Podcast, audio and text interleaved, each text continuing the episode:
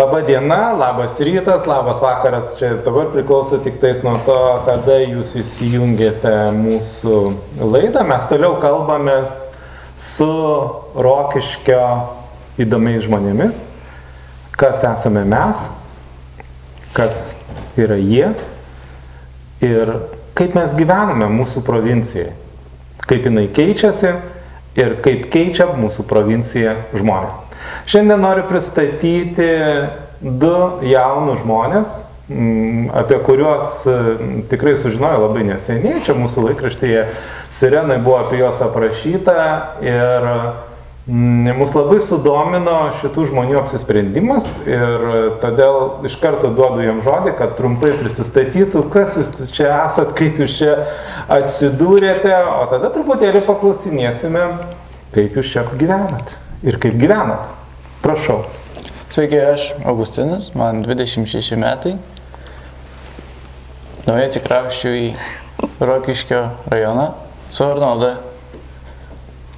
Arnolda, mm, jeigu ką, tai man širdį 16, amžinai. Mhm. Pagal nuotykius gyvenimo atrodo, kad subręs dar nežadam kurį laiką. Ir taip, bet keliai vedė per kelias Europos šalis ir galų gale jau tikiuosi visam gyvenimui nusileidom Rokiškio rajone, dideliškio kaime. O, ir...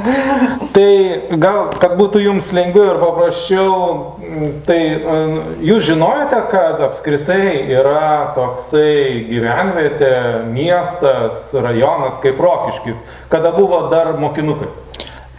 Taip, buvo girdėtas, kad toks yra. Dėl ko ir ką jūs girdėjote apie tai?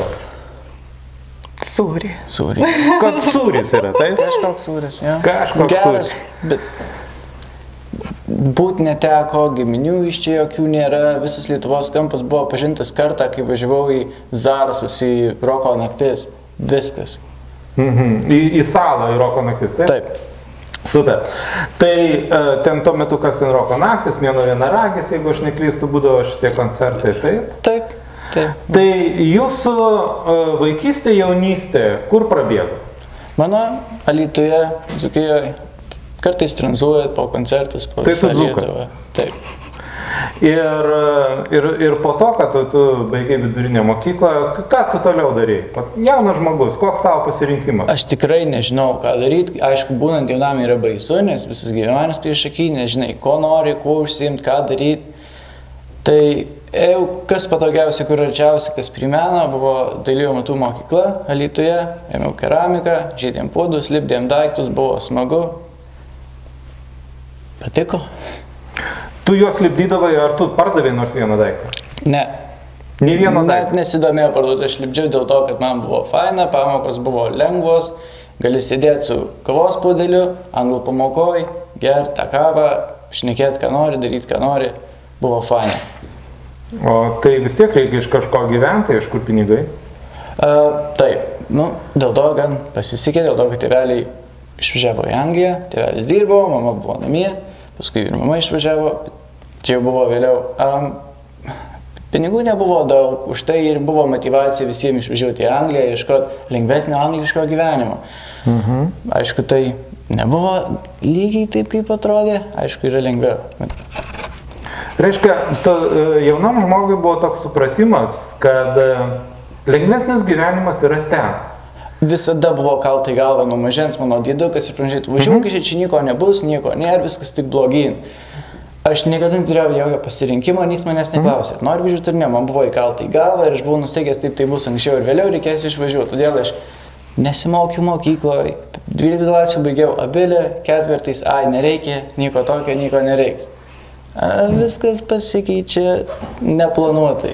Tai, man atrodo, mes pokalbio pabaigoje sugrįšime į tą patį, ką, ką ir kalbėjom, kaip, kaip yra gera e, gyventi ir ko, kokie mes esame laimingi, kad gimėme Lietuvoje ir kad mes gyvename šitoje šalyje ir kad ne taip blogai čia pas mus viskas sutvarkyta.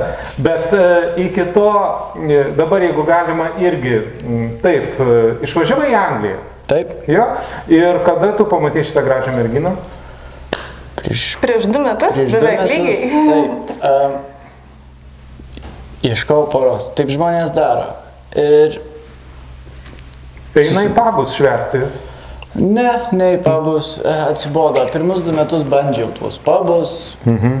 Gana nebesinorėjo, vis, viskas baigėsi kuo nors nemaloniu atsitikimu, tai striukę pameti, tai batas suplyšo kur nors. Buvo gana, buvo to jauniš, jauno švaistimosi po pabus ir siautulių užteko. Mhm.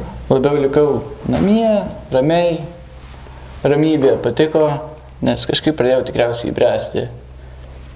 Nebesinorėjo to nesąmonių visokių. Ir, nu taip, kaip susipažinom. Išėjom šunų pavyzdžių. Buvo taip, buvo tikrai šunys, aš turėjau du šunys, jinai irgi turėjo du šunys. Ir išėjom pavedžioti, nes jos miestas, kurį gyveno, yra Doveris, ten yra kalvos ir mhm. gražiai aplinka. Ir jam šunų pavedžioti. Tai dabar trumpa pauzė. Aš norėčiau kreiptis į visus tuos, kurie nesusiranda savo antrosios pusės. Yra vienas iš būdų susirasti pradžiai šuniuką. Tikrai. Ir jį vedžioti. Ir tai yra galimybė susirasti savo antrąją pusę. Gerai, na ir kaip pas mus, iš kokio jūs krašto? Um, esu gimus Šiauliuose. Šiauliuose. Um, Pačiame mieste. Pačiame mieste taip ir visą laiką gyvenau su apskritai tokio kaip kaimo gyvenimu, pažintis nebuvo didelė, per to, kad giminė turėjo sodybą aplink Kauną, bet tokį, tokį jau tikrą vienkėmį, um, su molinė asla, um, pirtim ir beždžionių tiltų kažkur šalia per upę. Mhm. Bet uh, sodybą jie pardavė, nes kadangi ten niekas negyveno, tai greit viską išvagė. Atsimenu, kad labai paliko įspūdį, kad įmanoma pavokti stogą. tai, tai sodybą, sodybai praleidau gal kelias vasaras iki kol buvo 7 ar 8 metai. Ir po to ją pardavė. Tai atsim- atsimenu, kad buvo labai liūna, nes nu, kažkuom patiko, tas, sakykime, natūros aura. Um, bet visą, Patiko gyventi, va, ta sodyba e, tau išliko tokie kaip geri prisiminimai, taip? Vien geriausi prisiminimai iš Aha. tikrųjų ir, ir iš tos sodybos, ir sakykime, promočite, kad ir Šiaulių mieste, beveik centre, bet pas ją stovėjo namelis medinis, um, be vandentikio, um, buvo tik tai elektra įvesta ir dujinė viryklė. Um, ir jinai pragyveno ten iki, iki pat mirties. Ir man visada išliko toks įspūdis, koks arčiau natūros gyvenimas tai yra, nes aš, sakykime, aš ir gimus ir augus visą laiką su būte. A, Iki pat gal kokių 16 metų nebuvo tokio dalyko kaip savas kiemas, kažkokios savas braškės. Ir, ir taip, ir turbūt iki, iki, iki pat kol atsikraustėm čia, tokio suvokimo apie savo žemę nebuvo. Nes tiesiog um, gyvenam tai pirmam aukšte, po to išsikraustėm gyvenam būti aštuntam aukšte visą laiką. Visą laiką viskas atrodė labai paprasta. Um, Tai taip, gyvenau šiuliuose, e, irgi kaip ir Augustinas, žinojau, kad neliksiu Lietuvoje.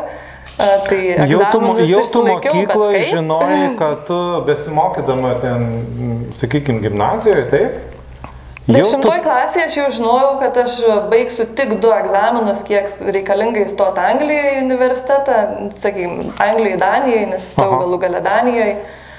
Um, turbūt 11-12 klasėje į mokyklą daugiau nejau, negu ėjau. Mhm. Visus sumušiau rekordus praleistų pamokų. Mhm. Um, nu, taip ir kažkaip Tai, ne, visada ne, žin- tai, tai reiškia, tave bardavo, rašydavo visokius ten negražius atsiliepimus ir mm, įvairiausiai svarstydavo, matyti, taip? Iki devintos klasės visada buvau truputį problem, problematinis vaikas, tai mane bardavo ir mokytoja, ir mama, ir mane buvo pasiūlymai ir išmesti iš mokyklos. O devintoji, dešimtoji klasėje galbūt aš sutikau labai um, nuostabią lietuvių kalbos mokytoją, kuris sugebėjo mane truputį sutupdyti vietą ir um, paskatino mane dalyvauti um, skaitovų konkursuose ir rašytojų konkursuose. Ir nuo to laiko, nuo, nuo tos 90 klasės, jinai dar kaip tik buvo ir mano klasės auklėtoja, um, truputį susitupėjau vietą ir pradėjau mąstyti apie ateitį, nes prieš tai buvo tik tai sėdėjimas laukia su draugais, visu, visi pamokų rašymai, niekada neruoždavau pamokų. Um, Ir taip, ir jinai mane pravežiojo ir, sakykime, po tą pačią Lietuvą nuveždavo į rašytojų gimtinės, į gimtasios sodybas, mes dalyvaudavome konkursuose. Um, taip pat, taip, taip pat teko ir laimėti kelis ir labai paskatino rašyti.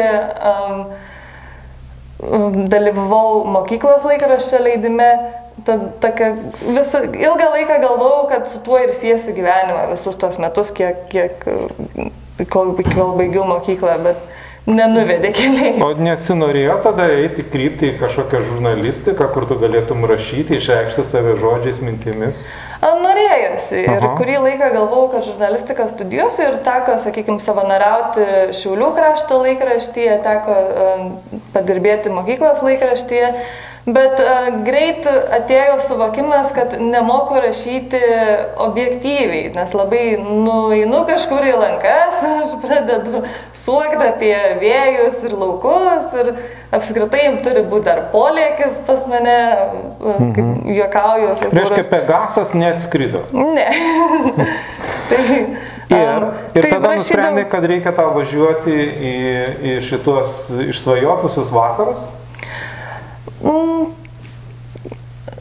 Iš, buvo ne viena priežastis, dėl ko aš nusprendžiau išvažiuoti iš Lietuvos, sakykime, gal tas um, šeimos gyvenimas netenkino um, Lietuvoje esantis, um, kadangi buvau probleminis vaikas ir užsispyrimą esu paveldėjus iš mamos, tai su mama būdavo ir pykčių visokių, tada nusprendžiau, kad aš esu jau didelė mergaitė. Probleminis vaikas. Man čia yra labai įdomi tema, nes aš nelabai suprantu, kurie tie vaikai yra probleminiai Tiesiog e, turiu aš irgi pedagoginį išsilavinimą ir, ir niekaip ne, negaliu atrasti, kuris vaikas yra probleminis. Ką reiškia probleminis? Kas yra? Tu, e, jeigu tu nelankai mokyklos, tai yra problema? Tai yra probleminis vaikas? Mokytojams tai yra problema. Mokytojams tai Kadangi yra tai mokytojams problema, tai jie išneša mm. tą problemą tevam ir tada tai yra tėvų problema. Mm. Supratau. Žalingi įpročiai. Turėjau žalingų įpročių, visada, jeigu kas paklausia, tai juokauju, kad gerti aš mečiau būdama 18. mm, tai e, gerimas tai čia alkoholiniai gėrimai? Taip, taip, pas, pas mus nežinau, gal, gal kažkaip buvo tokia situacija, kad mhm. mama buvo vienintelė mūsų išlaikanti, jinai turėjo tris vaikus ir pilno etato darbą. Mhm. Kad ir kaip jinai bandė stengtis, sakykime, sukontroliuoti, kas vyksta namuose, namuose mhm Tai buvo tiesiog neįmanoma. Ir um, ar penktoje ar šeštoje klasėje susidėjau su nekokia kompanija, atsirado vyresni draugai, nu ir ką vyresni draugai veikia, tai mes ragaudavom alkoholį. Mhm. tai iš tikrųjų buvau dar jauna, galbūt 14. Tai čia barai, metų. klubai, to toks? Ne, ne, ne, ne um, gyvenom tokiam pietiniam rajone, kuris buvo ganėtinai pagarsėjęs grupelėmis jaunuolių besibūriuojančiais aplink laiptinės. A, tai čia reiškia kažkokia tai hebra? Taip. Mhm. Kuri turėjo kažkokį pavadinimą? Ne, pavadinimų neturėjom. Um, ne, iš tikrųjų.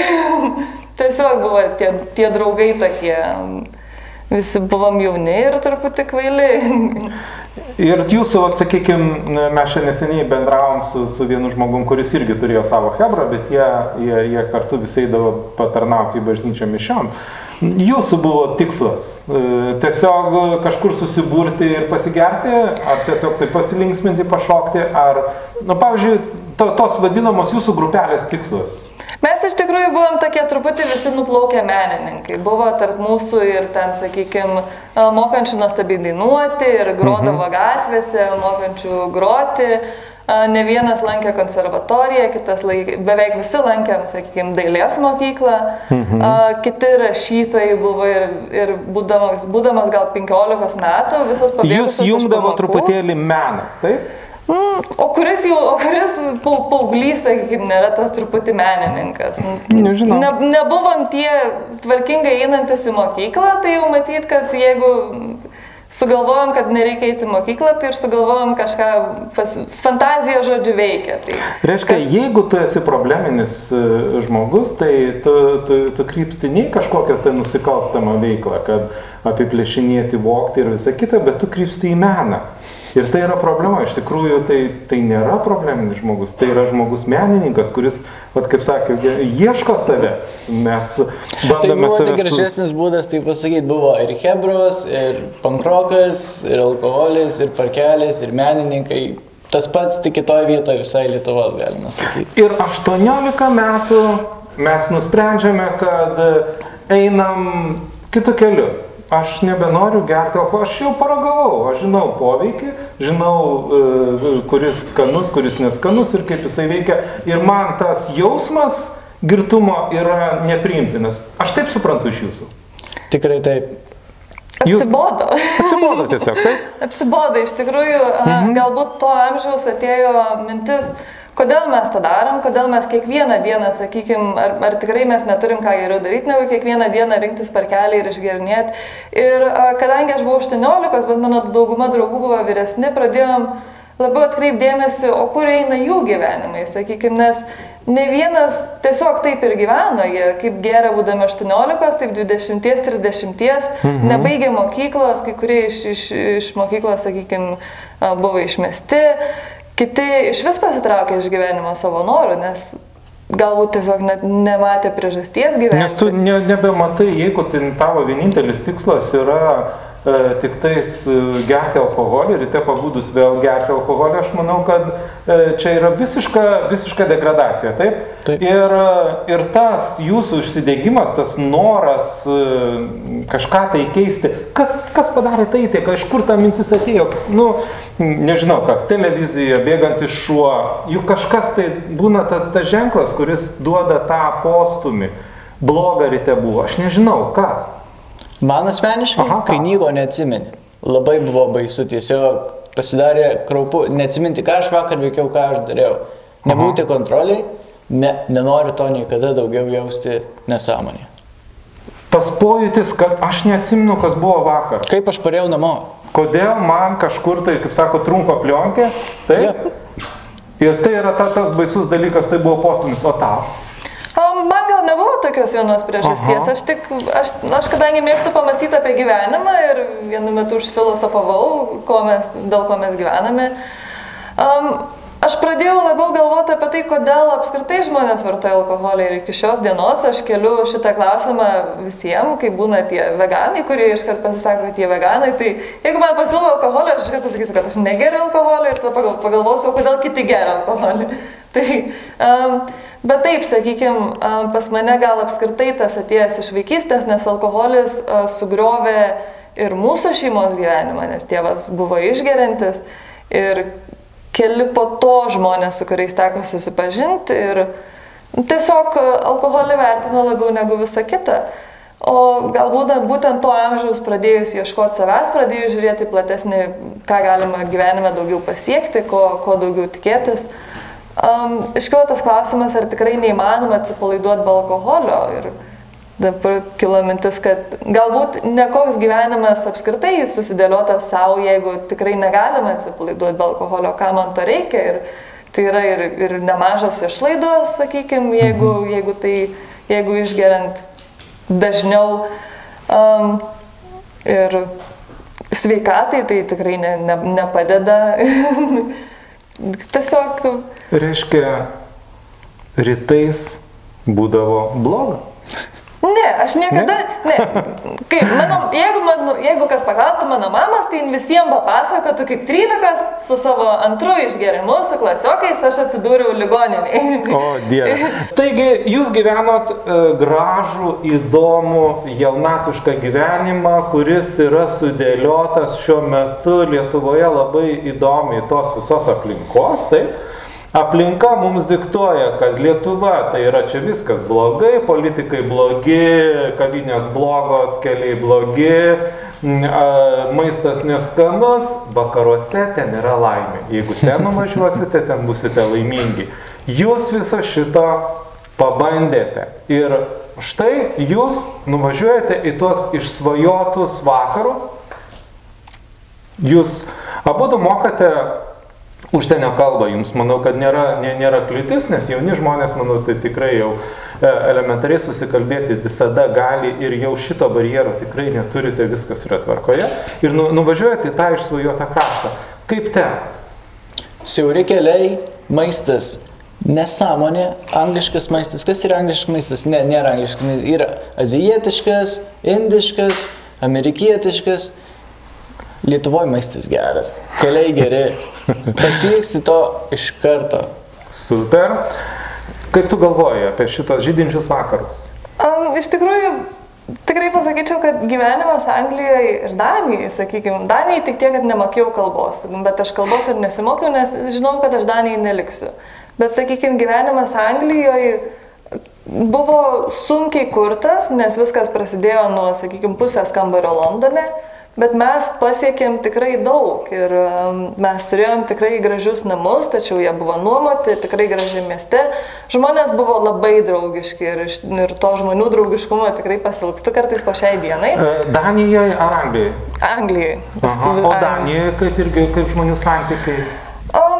Danijai žmonės labai malonus, bet jaučiasi, kad jie kiek kitaip žiūri tave, sakykime. Jie, jie tikrai pastebi, kad tu esi imigrantas. Net jeigu tu ir mokėtum kalbą, jie iš pavardės, jie, jie su tavim bendrauja kiek kitaip. Kaip su svečiu, sakykime, ne kaip su savo, kaip su svečiu.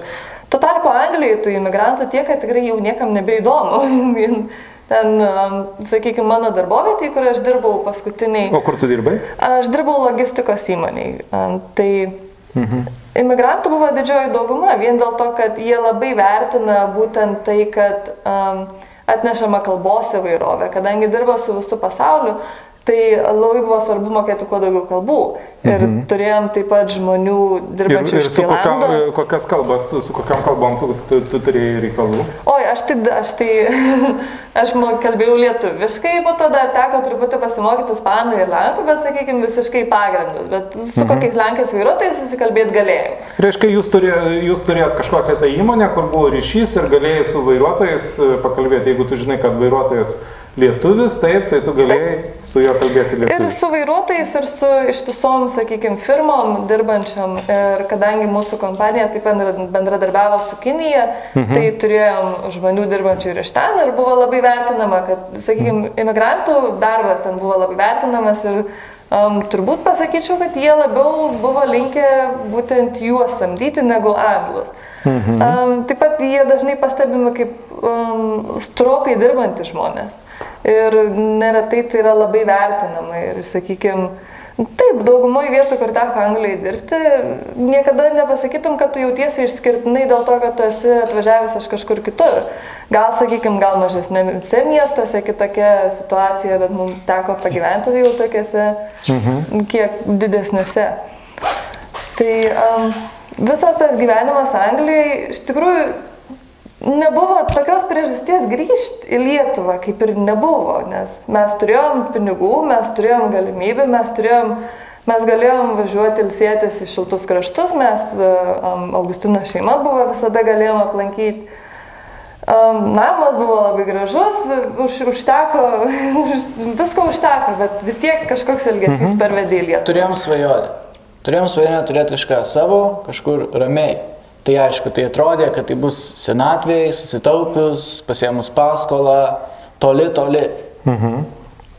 Ir kaip vat kilo mintis, kas yra, jūs sklaidėt kokį nors ten tik toką ir žiūrit rokiški namą parduoda, ar kaip?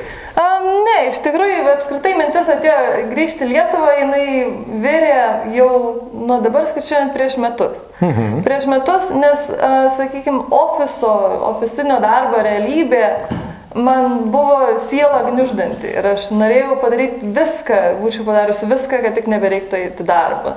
Nors aš savo darbą mylėjau ir labai malonų žmonės mane supo jame ir aš tikrai nebuvau labai Sakykime, buvau atitinkama darbuotoja, nepasakyčiau, kad manim skundėsi, mhm. atrodo, dėjau visą širdį, bet aš galvojau, kas toliau, sakykime, o kur aš nueisiu su to darbo ofise, aš tai prisidėsiu 10, 20, 30 metų, vien 5 dienas tam, kad 2 dienas pagyventum, iškeliautum kažkur. Bet jūs tai, apie tai pradėjote tarsi tarpusavį kalbėtis apie tai, taip? Um, kadangi, kai, um, kai sakykime, viską sustabdė korona, mhm. Anglijai, tai, Anglijai tai kirto labai smarkiai. Nuo kovo mėnesio mes visi buvom išleisti dirbti iš namų, o po to mes gavom dar atlyginimą, bet darbo nebūdavo. Tai aš tai priėmiau kaip galimybę pradėti plėtoti, sakykime, savo verslą. Mhm. Ir didelių lūkesčių iš pradžių nebuvo, atrodė, na, iš, iš pradžių tai buvo tiesiog hobis. aš dariau savo, dariau draugams, bet... Ką darai?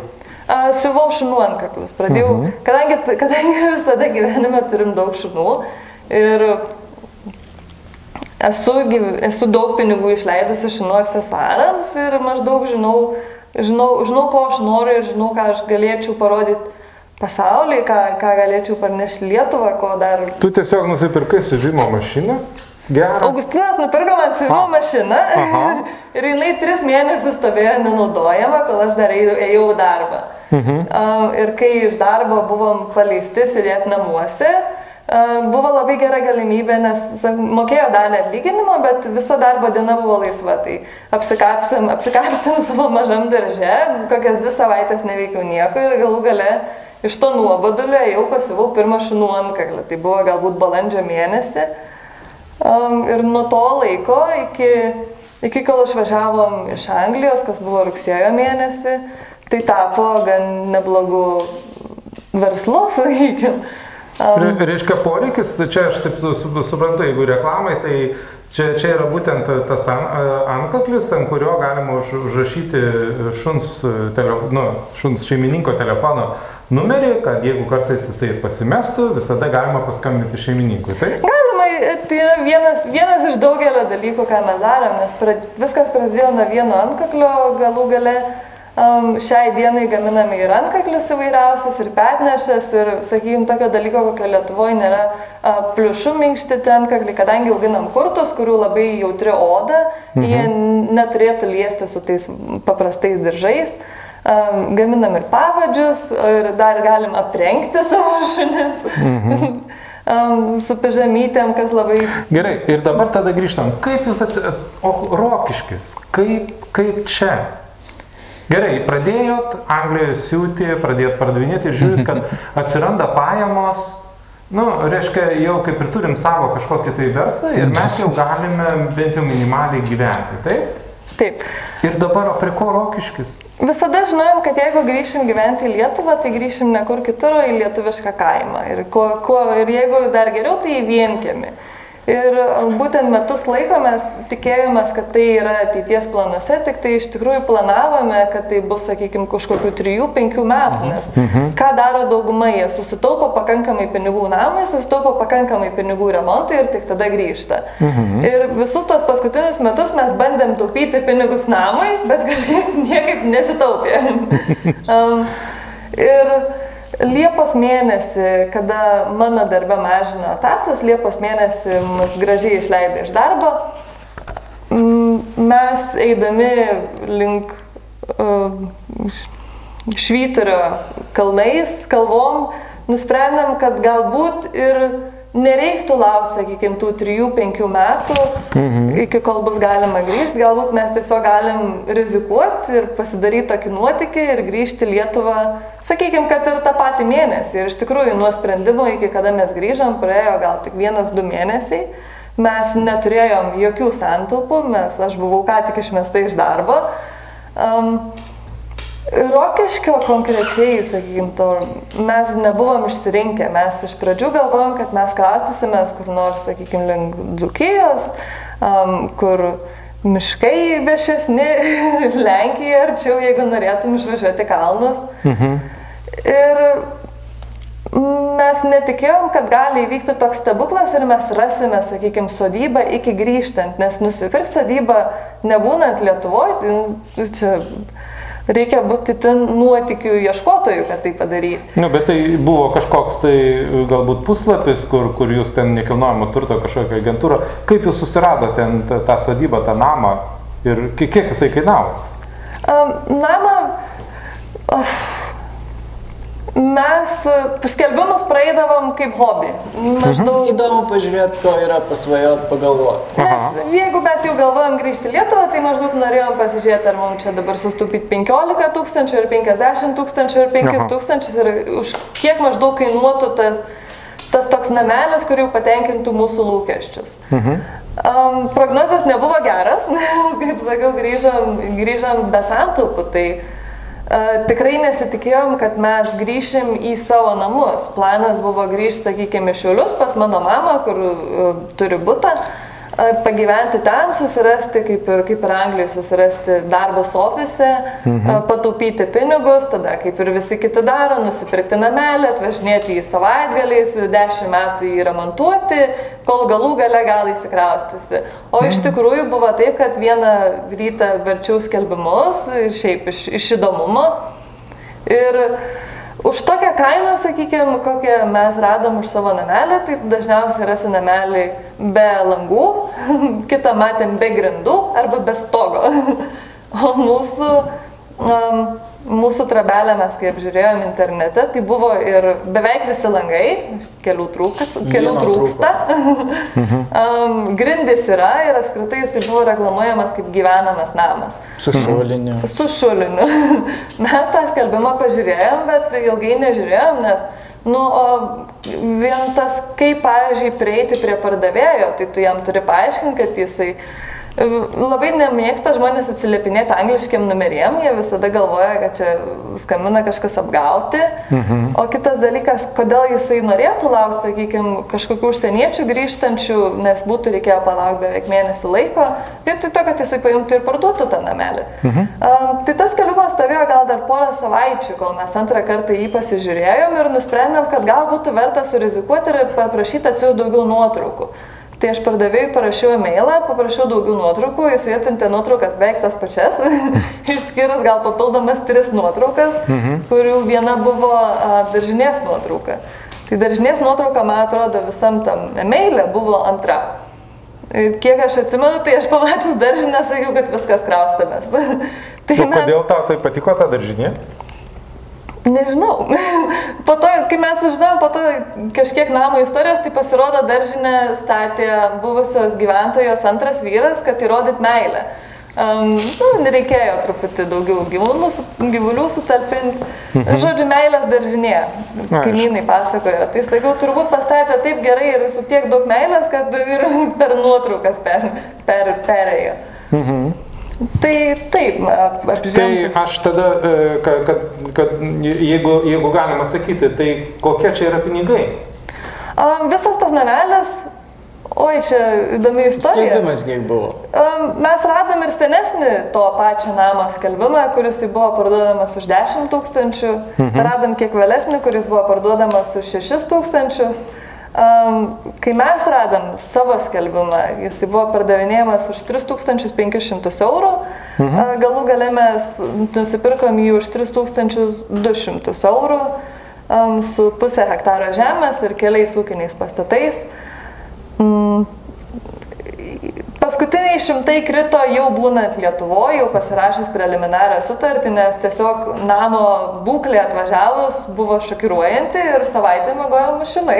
Mhm. O dabar e, jūs jaučiate, jautės truputėlį apgauti ar ne? Ne. Mhm. Ap, apgautiem nėra ko jaustis, nes, kaip sakau, iš tikrųjų už tokią kainą mhm. Mes juk namą nebuvom žiūrėję prieš pervedant, mes pervedėm visą sumą dar būdami Anglijoje, mhm. mes namą nebuvom apžiūrėję, mes nežinojom kambarių išplanavimo, mes nežinojom, ar visos sienos yra, mes, mums tik buvo pasakyta, kad trūksta vieno lango, o kad, pavyzdžiui, lauko durise nėra spinos, mes sužinojom tik dvi dienas prieš grįžtant. Mhm. Tai, bet kaip bebūtų, už tokią kainą, sakykime, tu žinai, kad būsi nustebintas. Nes um, jeigu jau yra pamatai ir grindis ir... Tu jau stebuklo kažkokio tai nesitikėjai. Ne, ne. Mhm. Projekto, ilgo projekto. Tai mes žinome. O dabar mes... kas jūsų laukia? Dabar, dabar e, jūs turite dabar susirikiavę planą, jūs no, no, no, norit kažkokios tai sterilios aplinkos, ką iš šio to namo jūs padarysite? Namas... Ko, ko pirmiausia? Nu gerai, pirmiausia spina į duris, taip. Oi, taip, iš pradžių, kai tik atvažiavom, dvi dienas e, nei patys mėgojom viduje ir šunų neleidom mėgoti viduje, nes nebuvo spinų. Iškopėm, ten buvę gyvenę metkirčiai buvo, kurie ten tik buvo laikinai, gal kirto medžius, tai visos Aha. butelius, striukės, nesąmonės. Tai reiškia, reikėjo pirmiausia iškopti. viską išvalyti. Antras darbas. O malkų ten yra? Kaip, kaip jūs kuriam? Mes pirkom malkas. Kelias malkas radom dar malkiniai, bet Aha. pasirodo buvo palikta ir daugiau, bet kažkas išnešė. Viskas buvo išnešta. Išnešta ir, siurbli, ir vandens siurblys kažkada buvęs kūdroje. Lempučių patronai nukirpti. Mm, Išneštas buvo, kas labiausiai supykdė, kad išneštas buvo pečiaus ringės. Negalėjom apsišildyti, nes trūko ringių. Mhm. tai kaž, ne, ne kažkoks vienetinis produktas, kad reiktų vokti, bet išnešė. Turtas. Turtas. Turtas. Bet Taip. reiškia, namas buvo aplaupytas ir dabar, dabar jūsų planai. Jį, reiškia, jų, įsipildė jūsų svajonę, jūs turit savo namą. Tiesa? Ir žingsnis po žingsnio jūs jį susitvarkysit. Jūs turėsit e, gražų, šiltą namą, kur bus e, e, tualetas turbūt laukia, ar yra nuotekos ten.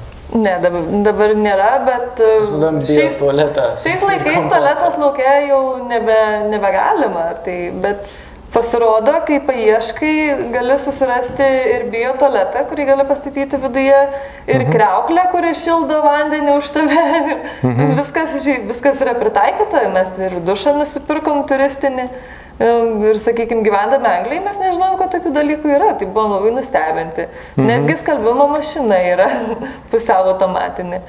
Taip, reikia tik pačiam truputį labiau pasiriktoti rankovės, mhm. du daugiau laiko ir viskas Mes kai pasidaro. atsikraustėm, šulinys ten priklausantis su sodyba yra nenaudotinas jau kiek 40 metų, mhm. tik mums niekas to nesakė, tai vienas iš pirmų darbų buvo išsikas šulinį, kas buvo tikrai nemažas investicijos, jeigu tu taip atvažiuoji su tuščiom kišenėm. Mhm. Bet šulinys dabar jau yra, vandens yra. Jūs, da, jūs kasėt šulinį, ne, negrežinį darėt. Ir kokio gilumo šulinys pas jūs? Dešimt žiedų sudėjo. Oho. Am, Iš trečio karto kas jie duobę, vaikščiojo su virgulėm, kas jie nerado, kas jie nerado. Nauda sako, pabandykit čia tarp šitų dviejų prūdų. Tada, ga, tada rado jau. Dėl šulinio bijojom, nes a, gyvenam ant kalnelio ir kaimynai sakė, kad šulinio vandens nėra tiesiog, nes namas prieš tai buvo gyvenamas, o šulinys gan toli, esantis su sodyba. Su sodyba taip. Tai visada galvojom, nu jeigu jau čia kažkur būtų vandens gysla, taigi jau tą šulinį būtų išsikasę. Ir kai pirmas dvi duobes nerado šulinio, tai nu, pergyvenau. Buvo toks stresas, taip? Buvo stresas, nes uh, o ką daugiau daryti? Tai um, kitas šulinys esantis šalia kaimynų, tiesiog vanduo tokios prastos kokybės, kad net negali su juo, sakykime, indoor rūbų plauti, grindų negali plauti, jis mhm. O jeigu palei sodybą dar neras van, vandens, tai o ką daryti? Taip, tada jau kažkokio prisijungimo prie, prie, prie kažkokių tai vandentikių, tai ten iš viso jokių galimybių. Artimiausias miestas, artimiausias miestelis, gyvenvietė, tai obeliai ir Obeliai? iš obeliai iš 4 km. Aha. Na, dabar esate rokiškienai. Oi, pri, prisiregistravę, taip, rokiškė jau taip. Prisiregistravę ir verslą priregistravę, kas iš Aha. tikrųjų buvo gan šokiruojantis. kaip, jūsų įmo, kaip jūsų įmonė vadinasi, kaip... A, ne, tai tiesiog yra individuali veikla. Mhm. Tiek, kad, sakykime, iš Anglijos mokesčių a, paprastumo ir praktiškai nebuvimo, dabar lietuviški mokesčiai šokiruoja. Oho. Nes nu, taip, Anglijai taip pat dirbau su individualia veikla, bet, sakykime, tas pats sveikatos draudimas um, ir mokesčiai už, visą, už visus um, pajamų mokestis man ateidavo 160 svarų per metus. Mhm. O Lietuvoje vien uh, kas mėnesį sumokama beveik 50 eurų. Ir tada dar laukia metų gale mokesčiai. Jo, dar- maža dar- versl, mažam verslui, sakykime, yra sunku išsilaikyti čia. Reiškia, e, pa, pagyvenę vakaruose ir pamatę, kas kaip yra, e, jauni žmonės, kurdami savo verslą, gali atvirai pasakyti, kad vis dėlto mokesčiai pas mus yra gerokai per, per dideli. Tai jūs dar, dar dirbate individualią veiklą, įsivaizduokite, kai jūs pradėsite uh, plėsti, samdyti darbuotojus, ko, ko, kai, kaip pakils jūsų mokesčiai. Taip? Tai Bijau.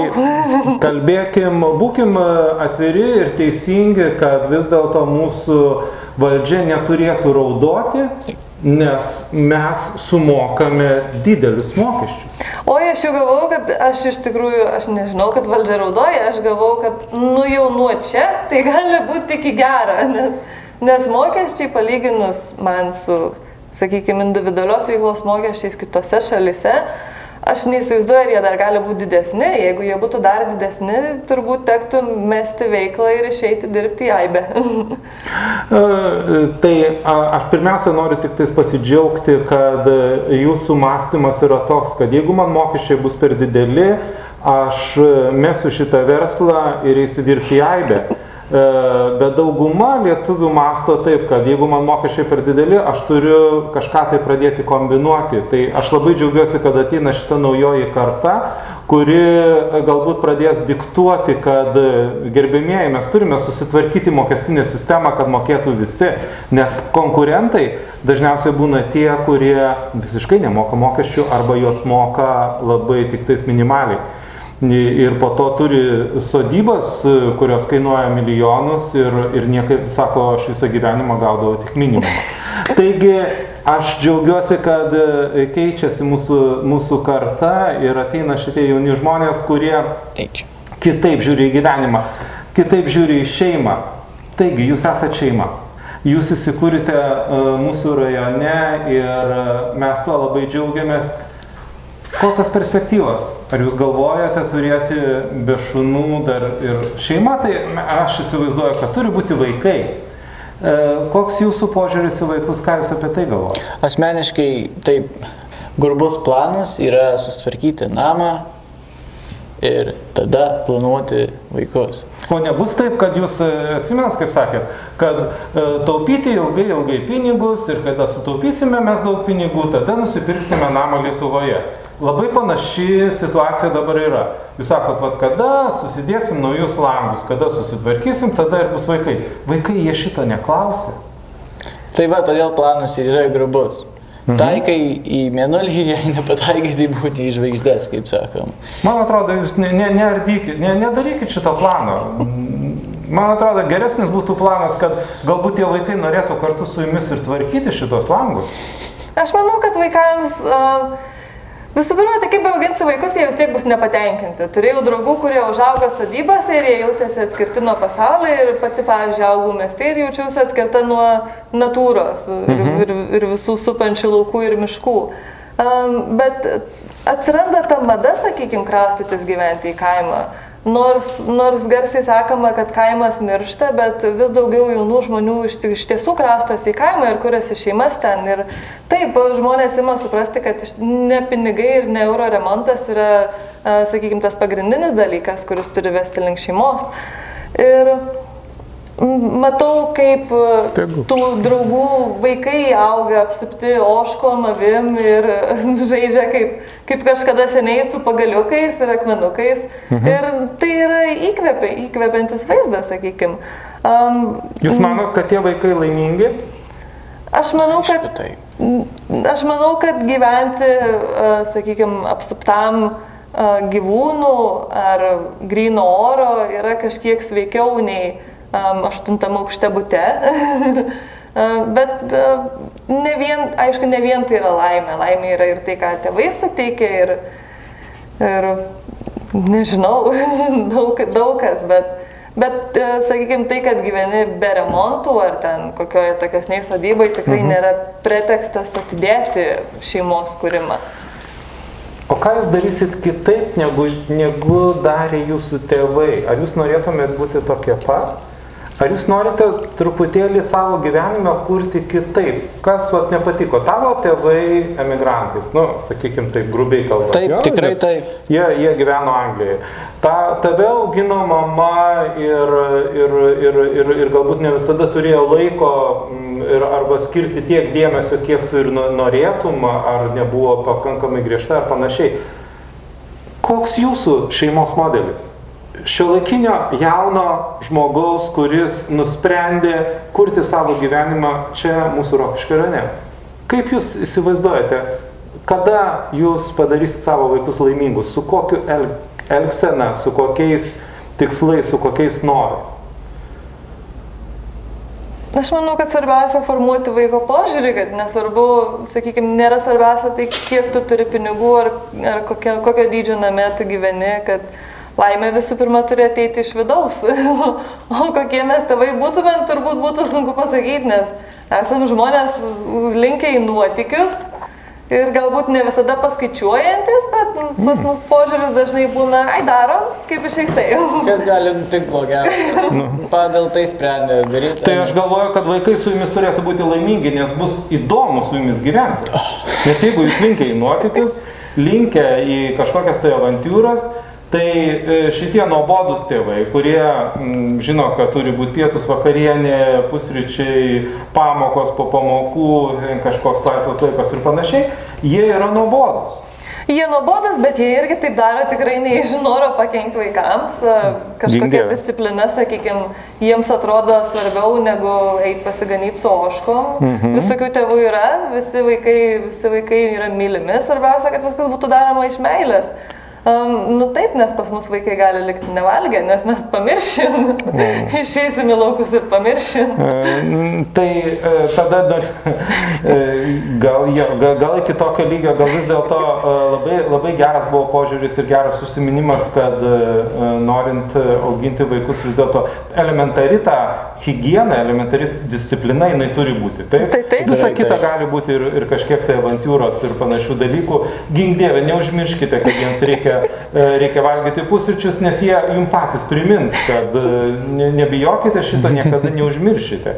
Ne- e, Vaikai primena, jie, jie turi šitą sugebėjimą išgyventi ir truputėlį auginti ir savo tėvus. Tai aš dabar tada kitą norėjau. Dabar jūs atvažiavote į Rokiškį, o pas jūs kas nors, žinot, kai užsienio filmuose rodo, atvyksta kažkokia tai šeima į kažkokį tai namą ir tada ateina kaimynai su piragais. Arba ten koks nors vietos e, šerifas atvažiuoja ir sako, labas, jūs čia gyvensit, e, kas čia tokie esat ir taip toliau. Ar, ar buvo kažkoks tai santykių jau kūrimas? Nors aišku, dabar pandemija galbūt sudėtingiau yra, bet ar, ar kažkas tai tokio buvo, kad su jumis susipažino ar valdžia, ar policija, ar socialinės tarnybos, ar kaimynai? Aš įtariu, kad žmonės buvo šokiruoti, kad apskritai kažkas atvažiavo, tai, bet čia tik tie, kurie sugebėjo mus pamatyti, nes gyvenam gan užkampiai, a, mus sunku rasti visiems, skaitant ir pašto darbuotojus, ir kurjerius. Reikia visiems duoti labai, labai aiškias instrukcijas. Pas kaimynus susipažinti ėjom patys, nes iš pradžių susipažino mūsų šunys ir nepakankamai gerom aplinkybėm teko skirti, nes kaimynai turi šunį, o mes turim penkis. Um, Tačiau apart to, ne, susipažinom su kaimynais ir po to dar keliai suvedė su pora, a, viena mergina gyvenanti Utenos rajone, tai yra anūkė mūsų buvusios sodybos savininkės, kuri dabar jau amžinatelsi. Um, tai jau ši- šioje sodyboje užaugusi, kur mes gyvenam. Tai jinai mhm. apsilankė, atvežė nuotraukų parodyti, kelis vaizdo įrašus, kaip sodyba atrodė prieš tai ir iš tikrųjų nėra labai daug pasikeitusi. Mhm. Um, taip pat susipažinom su keliom mergai, merginom iš Utenos globos namų, kadangi savanar, e, prižiūrėjome kelius šuniukus joms. Keletą draugų turime ir Rokiškyje, tačiau tokių, um, kad mus pasitiktų bendruomenį, sakykime, nebuvo, tačiau Na, patys, taip. patys lengviau įsiliejome į tą Kaimynai pasitiko su maišu bulvių. O, labai gera dovana buvo maišas bulvių, o po to kalėdam gavom svagūnų ir slainikikų. Puikiai, geriau nei torčiukas. Mes miestietiškai su saldainiais. Tai aš tikiuosi, kad e, mūsų krašte įsikūrė įleidę šaknis, jūs pradedat savo šeimos naują istoriją ir aš galvoju, kad jūs busite jauni, nauji, ypatingi žmonės ir busite laimingi, bus laimingi jūsų vaikai, bus visi gyvūnai, kurie bus kartu su jumis taip pat bus laimingi.